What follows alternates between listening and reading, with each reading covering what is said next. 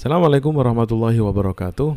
Uh, jumpa lagi dengan saya Ahmad Fajar Inhab di podcast yang sampai hari ini pun saya masih berpikir semoga bermanfaat bagi teman-teman yang tersesat di sini. Baik, kali ini kita akan berbicara, akan bercerita tentang uh, isu ya yang akhir-akhir ini ramai dibicarakan terkait dengan beberapa rumah sakit yang mengambil keuntungan dari pandemi COVID-19. Mungkin teman-teman ada yang protes kenapa menggunakan redaksi beberapa. Apa jangan-jangan pembicara sudah mulai tidak objektif menyikapi kasus sehingga mencoba menanamkan dalam alam bawah sadar pendengar bahwa rumah sakitnya tidak mengambil keuntungan. Oke, kita masih tetap sama berpikir secara logis, waras, dan tentunya sesuai dengan regulasi ya. Kalau berbicara tentang keuntungan, rumah sakit itu faktornya bisnis tetapi juga sosial. Artinya dia boleh mengambil keuntungan dan di saat yang sama tidak boleh memberatkan masyarakat yang berobat. Karenanya kita kenal yang namanya BPJS. Kemudian juga yang saya alami sendiri setiap kali Bapak Direktur kami menyampaikan instruksi terutama terkait dengan penetapan tarif layanan di rumah sakit, beliau selalu mengatakan dalam rapat, tolong dong tengok kanan kiri rumah sakit yang lain, jangan sampai justru rumah sakit kita menjadi rumah sakit yang paling mahal tarifnya. Artinya apa, teman-teman sekalian? Artinya kalau dianggap rumah sakit itu nyari keuntungan ya wajar. Karena memang dia harus untung untuk bisa bangun rumah sakit, untuk bisa beli alat yang lebih modern, untuk bisa mensejahterakan pegawainya. Saya pikir dalam konsep bisnis apa pun keuntungan adalah sesuatu yang didamba, diidamkan bahkan diikhtiari dengan sekuat tenaga untuk bisa diwujudkan. Lalu permasalahannya hari ini kenapa tiba-tiba uh, masyarakat kita marah dengan keuntungan tadi yang saya sampaikan di depan karena masyarakat berpikir ada beberapa atau ada rumah sakit yang memanfaatkan klaim kasus COVID-19 untuk memperkaya diri mereka. Jadi di beberapa video yang viral bahkan ada uh, anggota keluarga yang dipaksa untuk mengakui bahwa keluarganya meninggal karena COVID-19 karena nanti katanya kalau COVID-19 akan ada insentif dari pemerintah untuk para tenaga kesehatan. Betul apa tidak? Insentifnya betul dan kabar terbaru yang saya terima dari teman bahwa yang dihitung hanya insentif untuk penanganan pasien PDP. PDP itu pasien dalam pengawasan. Meskipun sekarang istilahnya dirubah lagi ya, dirubah baru. Tetapi pertanyaannya kemudian teman-teman, mari saya saya ingin mengajak kita semua untuk berpikir secara secara kritis, secara logis. Pertanyaan sederhana. Apakah semua rumah sakit demikian? Apakah semua rumah sakit demikian? Saya yakin tidak. Teman-teman sekalian yang dirahmati oleh Allah, banyak kok orang yang bekerja di rumah sakit dan betul-betul menjaga rizkinya agar tidak tercampur dengan yang diharamkan oleh Allah.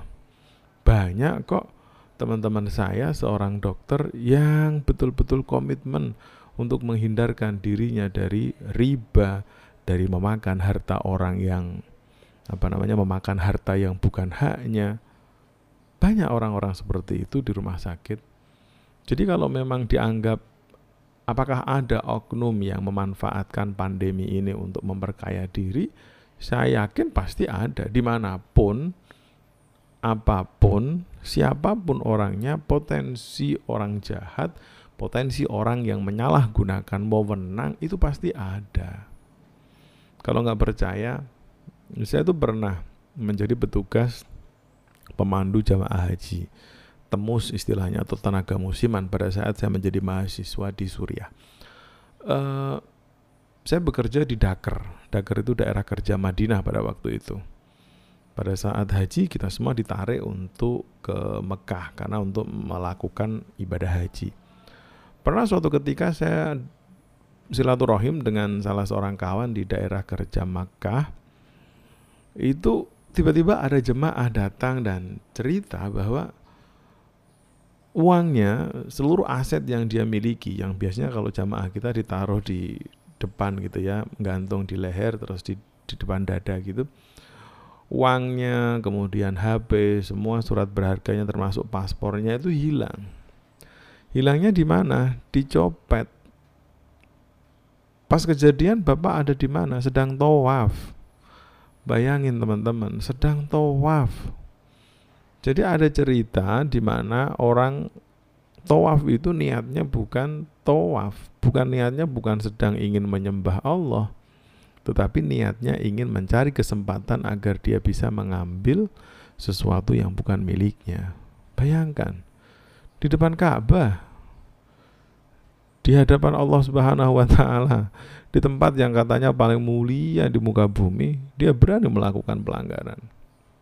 Artinya gini, di mana pun, apa pun profesinya, apa pun tempatnya, pasti ada orang jahat.